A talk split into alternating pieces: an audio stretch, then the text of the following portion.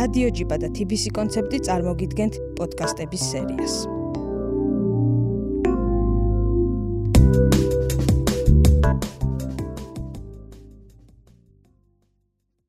მოგესალმებით, მე გახლავარ ზაზა აბაშიძე, ჯიპას პროფესორი მსოფლიო ისტორიის დარგში და დღეს ჩვენ გვექნება საუბარი თბილისზე.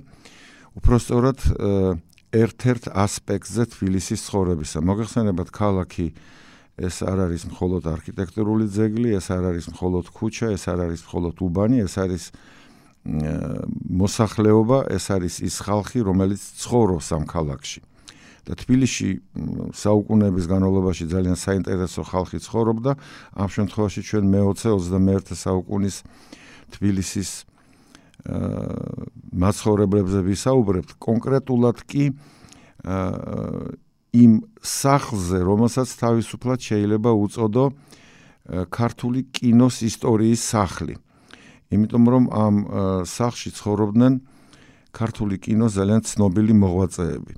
მაგრამ სანამ კონკრეტულად გადავალ აი ამ სახლზე, ამ ადამიანებზე, მე მინდა ვთქვა ის, რაც შეიძლება დღეს თანამედროვე ახალგაზრდებმა არიციან საბჭოთა პერიოდში თბილისში და არა მარტო თბილისში, მთელ საბჭოთა კავშირში, ყველა ქალაქში პრაქტიკულად იყო ეგრეთ წოდებული საუწყებო სახლები. აშენებდნენ ესა თუ ის ორგანიზაციები, მაგალითად საქენერგო აშენებდა სახლებს თავისი თანამშრომლებისთვის. გეოლოგიური სამმართველო აშენებდა სახლებს გეოლოგებისთვის. ხშირად ხდებოდა, როდესაც სახელმწიფო აშენებდა სახლს ამა თუ იმ პროფილის სპეციალისტებისთვის. იგივე კინოსტუდიის თანამშრომლებისთვის, იგივე თეატრების თანამშრომლებისთვის, ამ წერალთა კავშირის წევრებისთვის. თუმცა, ყველა ამ სახლში მარტო მწერლები არ ცხოვრობდნენ, ან მარტო მსახიობები, ან მარტო რეჟისორები, ან მარტო გეოლოგები.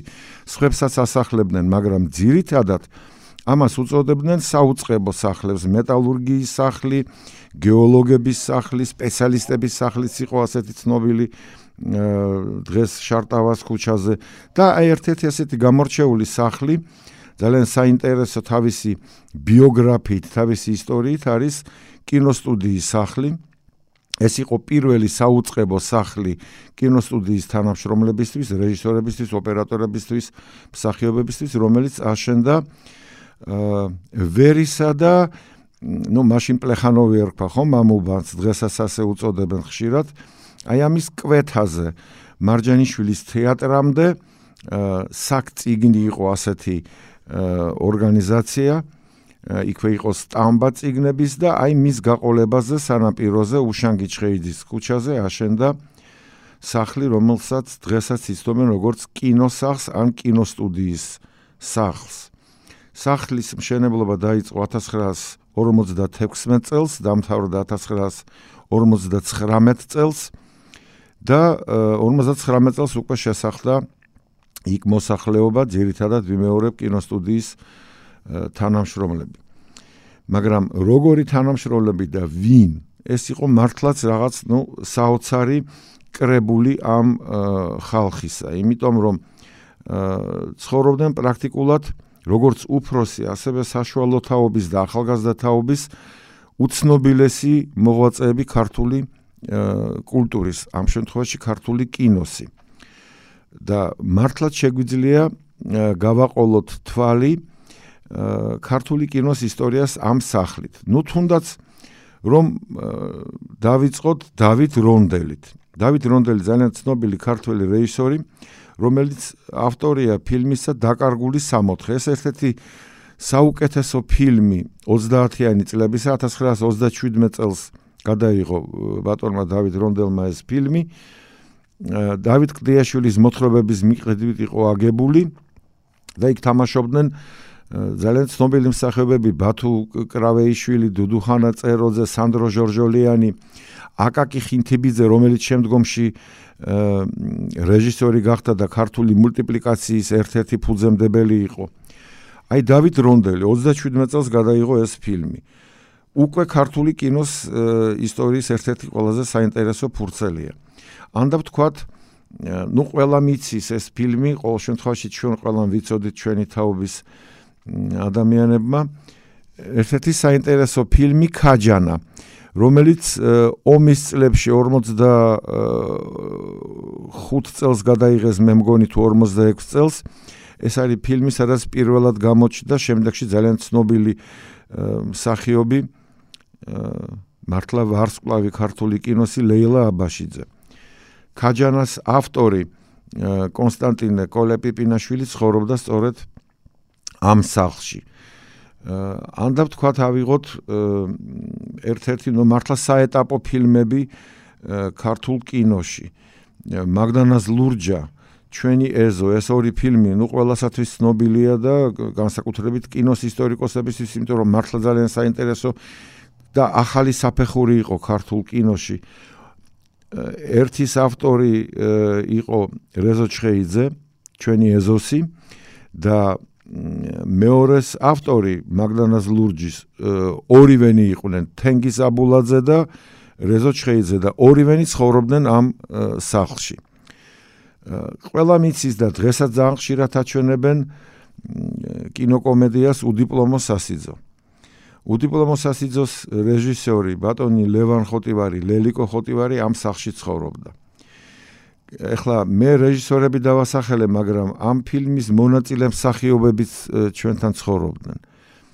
ну, მსახიობებიდან რო დავასახელოთ, საკმარისია ვთქვა ლია ელიავა, ოთარ კობერიძე, დოდო აბაშიძე მოგვიანებით გადმოვიდა ამ სახში საცხოვრებლად ქალბატონი ზინა კვერენჩხილაძე.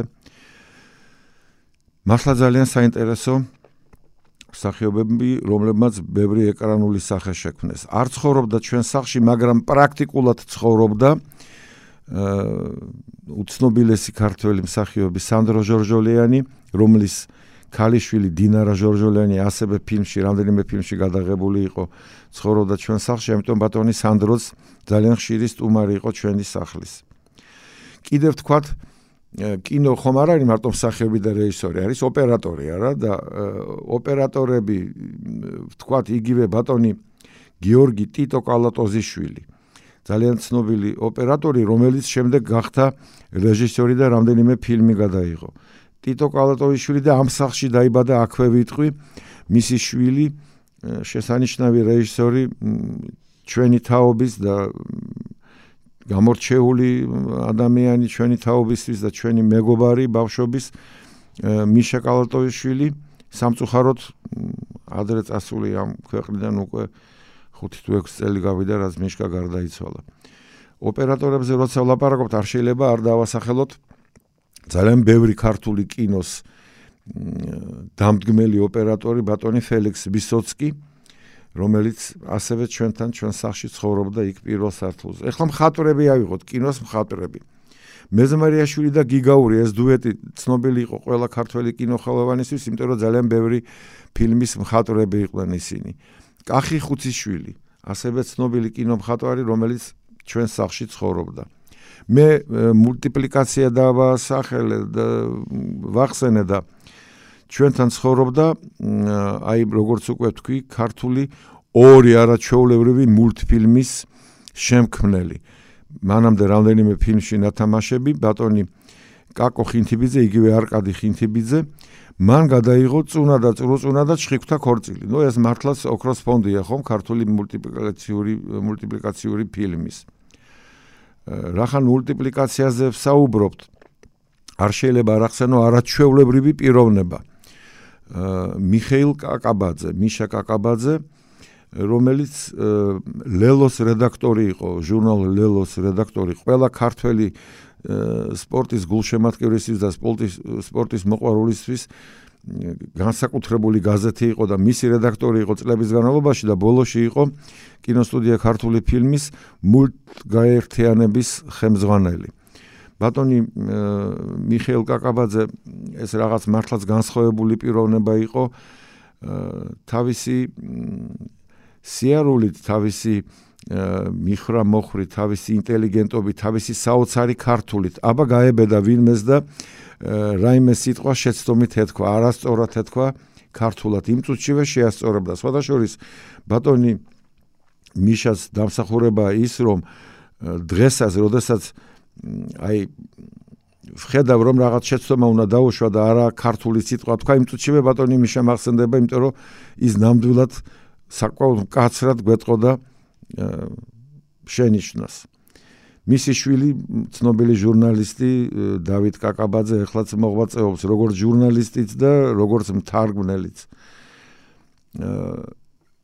ფილმი არის ოპერატორი არის, რეჟისორი არის, სცენარისტი არის, მსახიობი, მაგრამ ამავე დროს არის ის, ვინც ქმნის ხომ ამ პროდუქციას მათთან ერთად. ეს არის ხმის ოპერატორი, ეს არის ხმის რეჟისორი. ეს არის მონტაჟორი. პრაქტიკულად ყველანი ცხოვრობდნენ ჩვენთან. ვლადიმერ დოლიძე ძალიან ცნობილი ხმის ოპერატორი ჩვენ სახლში ცხოვრობდა. ის საბჭოთა კავშირის სახელმწიფო პრემიის ლაურეატი იყო ჯურხაის ფარში მიიღო მან ეს სახელმწიფო პრემია. ანდა თუნდაც ბატონი რაფო კეზელი ხმის რეჟისორი ანუ ის ადამიანებიც დოლენკო მონტაჟორი ანუ ის ადამიანები რომლებიც რეჟისორებთან და მსახიობებთან ერთად ოპერატორებთან ერთად ქმნიან ფილმს მხატვრებთან ერთად. კიდევ ერთი ძალიან საინტერესო მიმართულება კინემატოგრაფიის სფერო კინემატოგრაფიის უმნიშვნელოვანესი ჩემი აზრით ეს არის კინოდოკუმენტალისტიკა, დოკუმენტური კინო. აი აქ შეიძლება ნამდვილად თქვა, რომ ქართული დოკუმენტური კინოს უთვალსაჩინოესი ყველაზე ცნობილი წარმომადგენლები ცხოვრობდნენ სწორედ უშანგიჩხიძის ქუჩა ნომერ 33-ში, ჩვენი მეზობლები, ჩვენ მათთან ერთად ვიზრდებოდით, უფრო სწორად მათ წინ ვიზრდებოდით. და არა მათთან ერთად ეს მართლაც დამაარსებლები ქართული დოკუმენტური კინოსი. მაგალითად იგივე ბატონი შალვა ჩაგუნავა, ჩვენი მეგობრის მერაბ ჩაგუნავას мама, რომელიც არის 400-მდე ტელესიუჟეტის კინოსიუჟეტის ავტორი და 100-მდე დოკუმენტური კინოს ავტორი. ან და მაგალითად ბატონი ლევან არზუმანოვი, ოპერატორი და რეჟისორი, რომელმაც 50-მდე ფილმი შექმნა დოკუმენტური. მათ შორის ფოტოშორი ძალიან საინტერესოა, რომ ლევან არზუმანოვმა გადაიღო 1946 წელს ძალიან ცნობილი თავის როზე ფილმი სამწუხაროა რომ დღეს ამ ფილმს არაჩვენებენ ალბათ კინოარქივში ინახება ეს ფილმი. მცხეთის სიძველენი სწორედ იმ წლებში მიმდინარეობდა 30-იანი წლების ბოლოს დაიწყო და იმ წლებში მიმდინარეობდა ძალიან ცნობილი გათხრები მცხეთაში და მცხეთის შემოგარენში. ეს წლები დაკავშირებულია დიდ არქეოლოგიურ აღმოჩენებთან და 1956 წელს სიმონ ჯანაშიას დიდი ქართველი ისტორიკოსი სიმონ ჯანაშიას კონსულტაციით ლევან არზომანოვმა გადაიღო აი ეს ძალიან ცნობილი ფილმი მცხეთის გათხრებზე და მცხეთის სიძველეებზე ანდა იგივე ბატონი ბორის კრეფსი იყო ასეთი კინოდოკუმენტალისტი ძალიან ცნობილი და ამავე დროს ცნობილი ალპინისტი. მას გადაღებული აქვს 100-მდე დოკუმენტური ფილმი და მათ შორის რამდენიმე ფილმი მან მიუძღვნა ალპინისტებს. პამირის დაპყრობას, კავკასიონის დაპყრობას, იქ ლაშქრობას ალპინისტურს და ამ შემდეგ და ამ შემდეგ ძალიან საინტერესო არა მარტო როგორც დოკუმენტური კინოს მასალა არამედ როგორც აი სპორტის ისტორიის ასახვაც ხდება ალპინიზმის ისტორია პრაქტიკულად ეს რაც შექმნა ბატონმა ბორის კრებსმა. კიდევ ერთი კინოდოკუმენტალისტი ძალიან ცნობილი არა მარტო საქართველოსში არამედ მთელ საბჭოთა კავშირში იმ დროინდელში რომელმაც მიიღო უმაღლესი წოდება ერთადერთი კინოდოკუმენტალისტია ქართველი რომელმაც მიიღო საბჭოთა კავშირის სახალხო არტისტის წოდება ეს იყო კინოდოკუმენტალისტი რეჟისორი გიორგი ასათიანი. ასევე მრავალი ფილმის ავტორი მათ შორის ძალიან საინტერესო ფილმები გადაიღო მან საზღვარგარეთის ქვეყნებზე რაც მაშინ ახალი ხილი იყო. ასე ადვილად არავის არ უშვებდნენ საზღვარგარეთ რომ გადაიღო ფილმები ამა თუ იმ ქვეყანაზე და მან გადაიღო ფილმები მაროკოზე, გადაიღო ფილმი ალჟირზე, გადაიღო ფილმი ესპანეთზე, გენერალ ფრანკოზე, ბასკების ქვეყანაზე, ესე ძალიან საინტერესო თემაა, ხო, ქართულთა და ბასკთა ურთიერთობის კვლევას დღემდე აწარმოებენ როგორც ბასკეთში, ასევე ჩვენთან საქართველოსში ბასკოლოგები და იქ ქართველოლოგები. ისე რომ ძალიან ბევრი საინტერესო ფილმის ავტორი იყო ამავე დროს უნდა ვთქვათ რომ ომის თემაზეც გადაიღო მან რამდენიმე ფილმი ისევე როგორც შალვათ შაგუნავამ და ისევე როგორც ლევან არზუმანოვმა მეორე მსოფლიო ომის შესახებ არაჩვეულებრივი დოკუმენტი დოკუმენტური მასალა სწორედ მათი მეოხებით მათი ღვაწლით არის ჩვენთვის შემონახული. აი მოკლედ მე რა მინდოდა მეთქვა, აი ეს ადამიანები ცხოვრობდნენ თავისი არაჩვეულებრივი მეუღლეებით, ხო არ შეიძლება არ დაასახელო თქვათ კიდევ ის სახლი, ის ბინა, სადაც ცხოვრობდა ცნობილი ყველასათვის ქართველი ტენორი, მომღერალი ბატონი ზურაბან ჯაფარიძე და შემდეგ მისი ძმა საოპერო რეჟისორი ჯემალ ანჯაფარიძე, არაჩვეულებრივი პიროვნება. ეხლა ხოტივარებზე უკვე ვთქვი ბატონ ლევანზე, მამაზე და მას ორივე შვილი რეჟისორი ყავდა.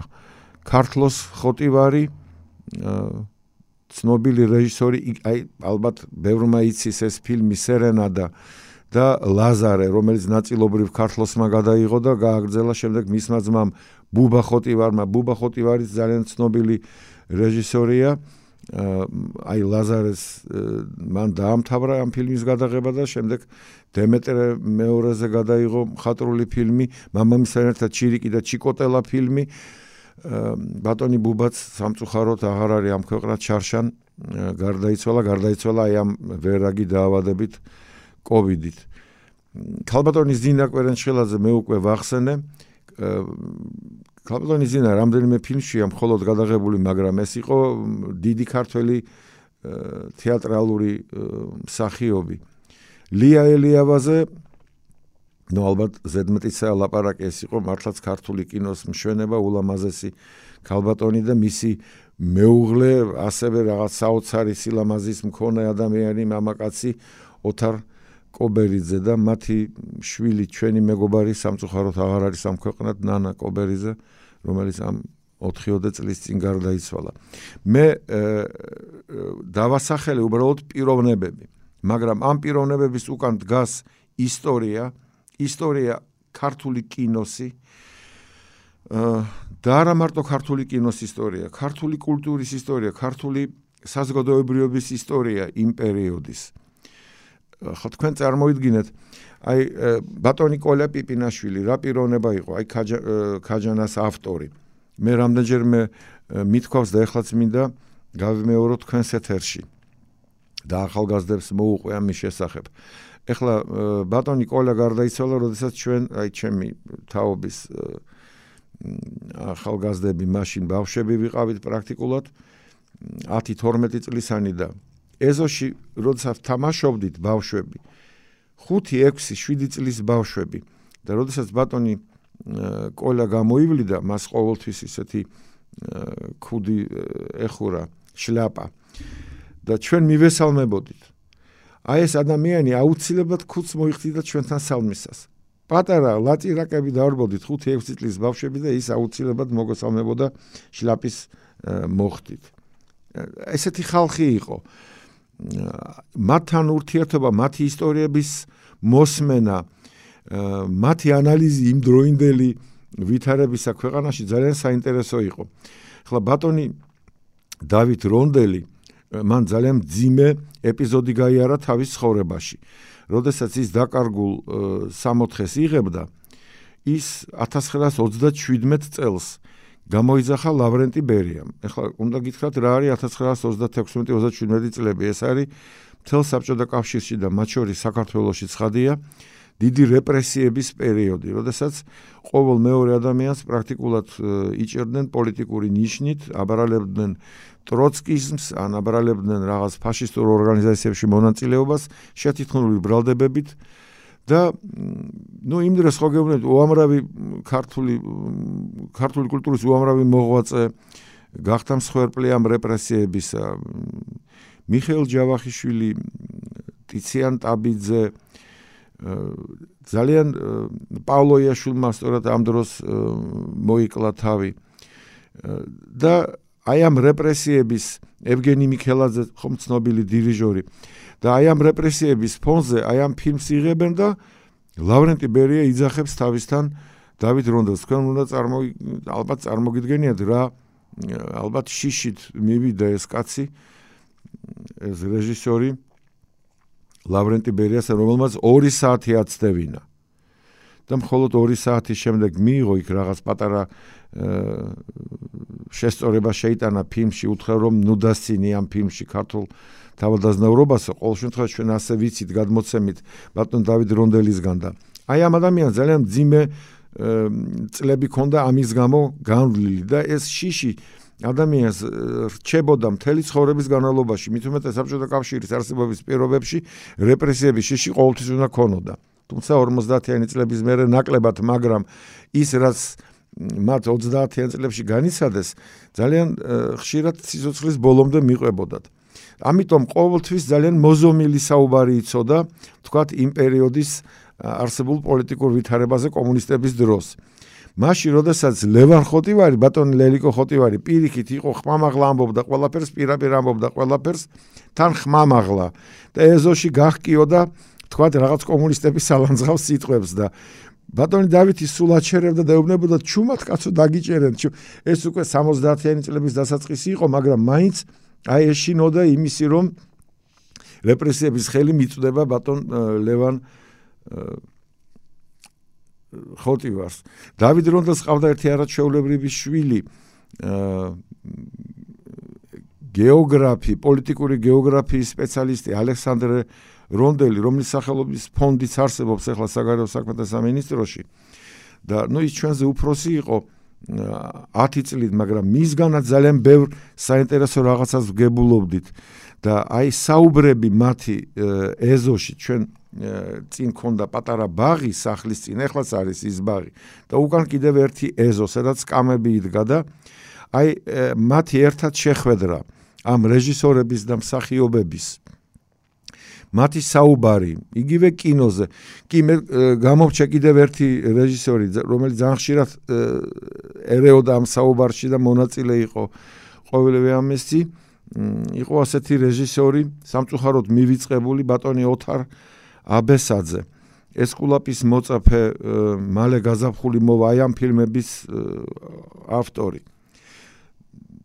ის სამწუხაროდ ახალგაზრდა გარდაიცვალა. იგივე ჯემალ ანჯაფარიძე ჩემგან ნახსენები საუბრობდნენ საოცარ საინტერესო თემებზე ბევრი მათგანი საზღვარგარეთ იყო ნამყოფი და ჩვენ ბავშვებს გვიყვებოდა ამის შესახებ და ცხადია ეს ადამიანები რომლებიც ერთ სახში ცხოვრობდნენ, ერთ უბანში ცხოვრობდნენ, ქმნიდნენ ამ უბნის სახესაც, ხომ?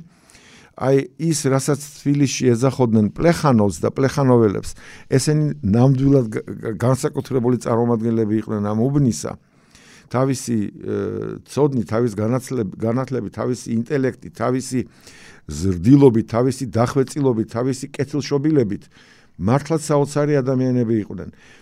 და ტოლს არუდებდნენ იმ დიდ პლეხანოველებს ეგრეთ წოდებულებს რომელთა დასახელება მე მგონი მაინც ღირს. ვინ ცხოვრობდა კიდევ ამ უბანში ქართული მეცნიერების კორიფეები ყოველ შემთხვევაში ჰუმანიტარული მეცნიერებისა. კორნელი კეკელიძე ცხოვრობდა ზედ მოედანთან თითქმის მარჯანიშვილის ცოტა უფრო ზემოთ თავის დროზე ივანე ჯავახიშვილი ცოტა კიდევ უფრო ზემოთ გიორგი ჩუბინაშვილი იქვე უნივერსიტეტის ერთ-ერთი დამაარსებელი ანდრია ბენაშვილი. აქეთ აი ამ ორბელიანების სახლში, სადაც ივანა ჯავახიშვილი ცხოვრობდა, ადრე ცხოვრობდა ქართული ლიტერატურული კრიტიკის ერთ-ერთი ფუძემდებელი კიტა აბაშიძე.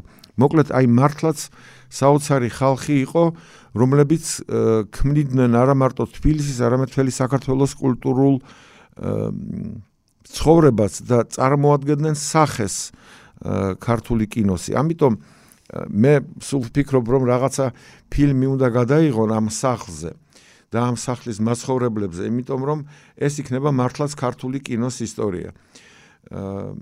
ერთმა რეჟისორმა გადაიღო ათამაშა თავისი მეზობელი, ოპერატორად ყავდა თავისი მეზობელი, მონტაჟორი იყო მეზობელი, ხმის ოპერატორი იყო მეზობელი, ხმის რეჟისორი იყო მეზობელი ხანდახან გამნათებელიც აი ჩვენთან იყო ერთი ჟური ხინი ცხოვრობდა რომელიც კინოსტუდიაში იყო აი რეკვიზიტის რეკვიზიტი ხომ აუცილებელია ხომ ფილმის გადაღების დროს? რეკვიზიტის დამამზადებელი და მისი რესტავრატორი იყო და ისიც კი ჩვენთან ცხოვრობდა. ანუ პრაქტიკულად შეიძლება გავადევნოთ თვალი ერთი ფილმის შექმნას ერთი და ასეთი რამდენიმე ფილმი იყო ერთი ეზოს მაცხოვრებლების ანუ მეზობლების მიხედვით იგივე მე დოლენკო ვახსენე მონტაჟორი იყო ძალიან ბევრი ქართული ფილმის, იმიტომ რომ ოსტატი იყო თავის საქმის და ყოველთვის იწვევდნენ ცნობილი ქართველი რეჟისორები. ბატონი რეზო ჩხეიძე, ბატონი რეზო ჩხეიძე, ხომ ცალკე ისტორიაა, ხომ თავისი ფილმებით, თავისი ცხოვრებით, თავისი მოღვაწეობით. ბატონმა რეზომ აი ფოტოჟურის ერთ-ერთი ფილმი პირველი მისი იყო ბორის პაიჭაძეზე. ცნობილ ქართულ დიდ ქართულ ფეხბურთელზე. და მას შემდეგ აი გადაიღეს მაგდანას ლურჯა თენგიზმა და თენგიზ აბულაძემ და რეზო ჩხეიძემ ერთობლივად ერთ სახში ცხოვრობდნენ უკვე მე მგონი ამ დროისთვის ყოველ შემთხვევაში შემდეგ გახდნენ მეზობლები 59 წლიდან შემდეგ ბატონმა რეზომ გადაიღო ჩვენი ეზო არაჩვეულებრივი ფილმი სოფიკო ჭეურელის და გიორგი შენგელაის მონაწილეობით შემდეგად აიღო მაია წყნეთელი სადაც თავარ როლს ლეილა აბაშიძე თამაშობდა. შემდეგ ამას მოყვა ნუ ყველასათვის ცნობილი ფილმი ჯარისკაცის мама სერგო ზაქარიაძის მონაწილეობით მონაწილეობით კი არა მთავარ როლში იყო ბატონი სერგო შემდეგ კიდევ რამდენიმე ფილმი და სხვადასხვა მივიწყებული ფილმი ძალიან საინტერესო განძი რომლის ავტორი ასევე ბატონი რეზო ჩხეიძე იყო. შემდეგ დონ კიხოტი შობლიუროდ შემომიწევ რაიკომის მდივანი იგივე ფილმი ისე რომ ბატონი რეზო რომ დადიოდა ამ ეზოში ამაზეც მადლობელი უნდა ვიყოთ რომ უყურებდით აი ამ დიდ რეჟისორს ისევე როგორც დავიდ რონდელს ისევე როგორც კონსტანტინე პიპინაშვილს ისევე როგორც ლევან ხოტივარს ცხადია ძალიან ბევრი საინტერესო რაღაცები ხდებოდა სამეზობლოში. ნუ იქ მე მეცაც გეტყვით. მე ერთხელ ერთმა ტაქსისტმა რომელმაც მიმიყვანა სახლამდე უშანგიჩხიძის 33-მდე მითხრა რომ თქვენ ამ ეზოში ხომ არ ცხოვრობთ და მე უთხარი კი ამ ეზოში ცხოვრობ მეთქი რას ლაპარაკობ აქო ჩვენო ახალგაზრდები რო ვიყავითო ხანდახან საათობით გვიხდებოდა დგომო ძღოლებს რომ ერთი თვალი მოგვეკრათ თქვენი ეზოს ულამაზესი ქალბატონებისთვისო და იქ მართლაც რამდენიმე არაჩვეულებრივი ნუ საქართველოსი განთქმული თავისი ლამაზით ქალბატონი ცხოვრობდა. ლიელიევა დავასახელე დინარა ჟორჟოლიანი ხომ? აი მეორე ქალბატონი. გალა გალი გალა ანჯაფარიძე ბატონ ჯემალ ანჯაფარიძის მეუღლე აქეთ ნინული ხოტივარი. მოკლედ მართლაც ულამაზესი ქალბატონები დადიოდნენ და ამითაც გამორჩეული იყო ეს ეზო. ეხლა რახან კინოზე ვლაპარაკობთ, არ შეიძლება არ თქვათ, რომ ამათი შთამომავლებიც ნიშნულოვანწილად გახდნენ ხელოვნების მოღვაწეები. ეხლა ლევან ხოტივარის შვილიშვილი ლევან თუთფერიძე დღეს ცნობილი მოქმედი რეჟისორია, ჩვენი მეგობარი და გოგი მარგველაშვილი, რომელიც თეატრალური ინსტიტუტის რექტორი იყო წლების განმავლობაში, ასევე ჩვენი მეგობარი. ну აი მე არ გამოვედი მარტო სახიობი, თუმცა ლევან თუთვერიძე მე ხლა მე და გოგი მარგველაშვილი ერთად გადაგვიღო რაღაც პატარა როლში გიჟებს თამაშობ. და საოცარი ეზოა. საოცარი ეზოა და მე მინდა რომ ახალგაზრდებმა იცოდნენ რომ ასეთი ეზო რამდენიმე იყო თბილისში. იყვნენ ცნობილი მართლა ერთი პერიოდი იყო ძალიან მოდაში და ძალიან პოპულარულები იყვნენ გეოლოგები როგორც გპ-დან პოლიტექნიკური ინსტიტუტიდან ასევე უნივერსიტეტის კურსდამთავრებული გეოლოგები.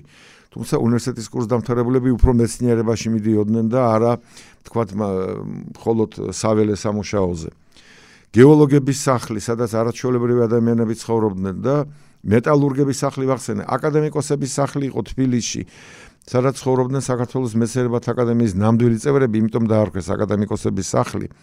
სადაც ქართული მეცნიერების სხვადასხვა სფეროს ძალიან ცნობილი წარმომადგენლები ცხოვრობდნენ და ამაზე ჩვენ შეიძლება მომავალში გქონდეს საუბარი, ვინ რა გააკეთა. მე მინდა რომ ახალგაზრდება იცოდნენ რომ ეს ადამიანები 40-იან, 50-იან, 60-იან წლებში ქმნიდნენ ქართულ კულტურას. მათ მაგალითზე იზრდებოდნენ თაობები და ეს ადამიანები, რომლებიც მე დავასახელე, მართლაც ღირსნი იყვნენ, რომ მათთვის მიებაძათ ახალგაზრდებს. მე არ ვიცი, ვინმე ხომ არ გამომჩა ამ საოცარი სახლიდან ბატონი აკაკი ხინთიბიძე ვახსენე ხომ ქართული მულტიპლიკაციის ორი შედევრის ავტორი, წუნა და წრუწუნა და ჩხიკვთა ქორწილი. კიდევ რამდენიმე ფილმი ძალიან ცნობილი, რომლის თქვათ ოპერატორი ხევისბერი გოჩა ყველას გახსოვთ ალბათ ეს ფილმი სპარტაკ ბაღაშვილით მთავარ როლში. ბატონი ფელიქს ვისოცკი იყო ამ ფილმის ოპერატორი, ერთ-ერთი საუკეთესო ქართული საოპერატორო სკოლის ერთ-ერთი უთვალსაჩინოს წარმომადგენელი. ცოტა შორის აი გუშინ დაგრძალეს ქართული კინოსაოპერატორო სკოლის მართლა ძალიან ცნობილი წარმომადგენელი ბატონი ლომერ ახვლედიანი. აი სწორედ იმ ცოტა უფროსი თაობის იყო ბატონი ფელიქს ვისოცკი, მაგრამ აი ძალიან ბევრი ფილმი შექმნა და ზოგიერთი მისი ოპერატორული ნამუშევარი დღესაც ითვლება სამაგალითოდ ამ დარგში, ამ სფეროში. ისე რომ ჩვენ მე დღეს ნაკლებად ვისაუბრე შეიძლება თბილისურ რომელიღაცა უბანზე, თუმცა შევეხე მაინც აი ამ პლეხანოვის უბანს მე მინდოდა გამემახვილებინა ყურადღება იმაზე თუ რა ადამიანები ცხოვრობდნენ აი 50-იან 60-იან 70-იან წლებში ადამიანები რომლებიც ქმნიდნენ საზოგადოებრივ აზრსაც იმ პერიოდის ქართულ კულტურასაც და რომელთა გამოჩენა ნებისმიერ ადგილას, ნებისმიერ უბანში თბილისში ყოველთვის იწევდა ძალიან ყველა უყურებდა მათ, ყველა ადევნებდა მათ თვალს და აი ასეთ აი ასეთ პირობებში, აი ასეთ gare მოცვაში ვიზრდებოდით ჩვენ და მე ბედნიერი ვარ იმით, რომ 10 წლეულების განმავლობაში მქონდა შეხება ამ დიდ ადამიანებთან, ბუმბერას ადამიანებთან, ქართული კინოს შემქმნელებთან. ამ ადამიანების გახსენება ძალიან მნიშვნელოვანია, იმიტომ რომ მე დარწმუნებული ვარ ზოგიერთი გვარი აქ დასახელებული თქვენთვის ახალგაზრდებისთვის ცნობილი არც იყო. სამაგერო თქვენ შეიძლება დაინტერესდეთ დღეიდან ვინ იყო ოთარაბესელზე, რა ფილმები გადაიღო ოთარაბესელზე, რა ფილმები გადაიღო ფელიქს ვისოცკი, რა როლები ითამაშა ზინაირა კვერენჩხილაძე. ჩვენი ეზო ნახოთ რეზო ჩხეიძისა ან მაგდანას ლურჯა ნახოთ მისი და თენგიზ აბულაძის ან ქაჯანა ნახოთ პიპინაშვილის ან დაკარგული სამოთხე რონდელის და ეს უკვე ძალიან ბევრ რაღაცას შეგძენ თქვენ მე ამაში დარწმუნებული ვარ. დიდი მადლობა ყურადღებისთვის და თუ მექნება შესაძლებლობა და საშუალება აი ამ პლეხანობის უბანზე მცხოვრებ კიდევ რამდენიმე ადამიანზე გესაუბრებით მომავალში. ივანა ჯავახიშვილზე, გიორგი ჩუბინაშვილზე, კორნელი კეკელიძეზე, კიტა აბაშიძეზე, ანდრია ბენაშვილზე, რომელთა სახელები მართლაც აი სანთლებად უნდა დაინთონ ქართველებმა, იმიტომ რომ მათ შექმნეს ქართული მეცნიერება, თავი დავანებოთ ყველაფერს მათ შექმნეს თბილისის უნივერსიტეტი ჩვენი მთავარი, უმთავრესი, უმაღლესი სასწავლებელი. დიდი მადლობა კიდევ ერთხელ ყურადღებისთვის.